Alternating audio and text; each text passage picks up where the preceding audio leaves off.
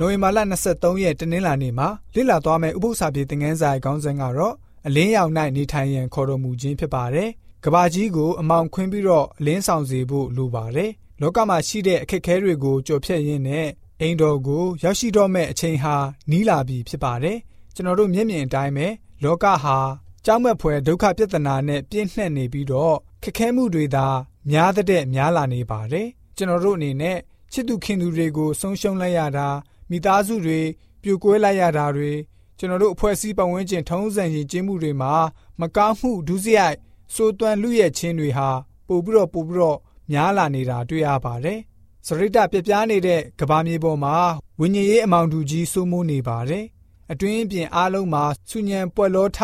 အော်ဟစ်တန်တွေကြားနေရပါတယ်။အဲ့ဒီအတန်တွေကြားက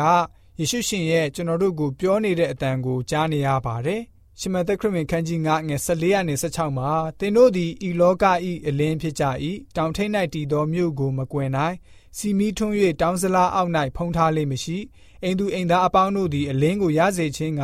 စီမီခုံပေါ်မှတင်ထားလိမ့်ရှိ၏ထိုနည်းတူသူတစ်ပါးတို့သည်တင်တို့ဤကောင်းသောအကျင့်ကိုမြင်၍ကောင်းကင်ဘုံ၌ရှိတော်မူသောတင်တို့အဘဤဂုဏ်တော်ကိုချီးမွမ်းစေခြင်းကသူတစ်ပါးရှိ၌တင်တို့အလင်းကိုလင်းစေကြလော့ဆိုပြီးတော့ဖော်ပြထားပါတယ် ခုနကကြမ်းကြက်ဟာကျွန်တော်တို့ယဉ်ကျေးသူများအနေနဲ့ဘယ်လိုမျိုးနေထိုင်အသက်ရှင်ရမလဲပြီးတော့တပားသူတွေဟာကျွန်တော်တို့ကိုကြည်ချင်းအားဖြင့်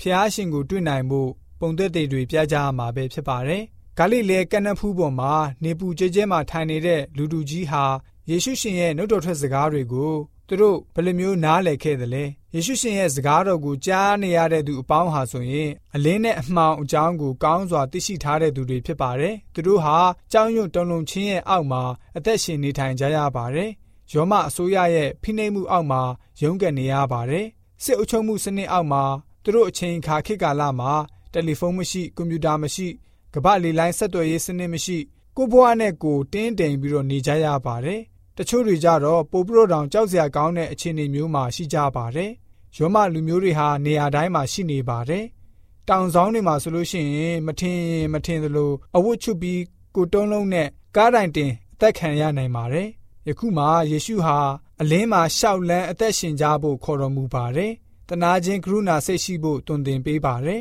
။စိတ်နှလုံးဖြူစင်ခြင်းရှိဖို့မိန့်ပါပါတယ်။ငြင်းကြရေးဖော်ဆောင်တဲ့သူတွေဖြစ်ဖို့တိုက်တွန်းပါတယ်။ ခရိယန်ပညာရေးဆိုတာတပည့်တွေကိုလောကရဲ့အလင်းမှာကျင်လည်ဖို့သင်ကြားပေးရမှာဖြစ်ပါတယ်။ဖျားသခင်ရဲ့ကောင်းမြတ်တော်မူခြင်းအစစ်အမှန်ကိုသူတစ်ပါးမြင်တွေ့သိရှိရွေးချယ်နိုင်ဖို့လက်ခံဆုံးဖြတ်နိုင်စေဖို့ပြုလုပ်ပေးစေဖို့တာဝန်တွေရှိပါတယ်။ဒီတို့ကြောင့်ကျွန်တော်တို့ယဉ်ကျေးသူများအနေနဲ့ဖျားရှင်ရဲ့ကောင်းမြတ်ခြင်းတွေကိုသူတစ်ပါးကိုဝေမျှတသက်ခံမေတ္တာပြတဲ့ယဉ်ကျေးသူတွေဖြစ်စေဖို့အတွက်တနင်္လာနေ့ဥပုသ္စာဖြစ်တဲ့ငန်းစာကဖော်ပြထားပါတယ်။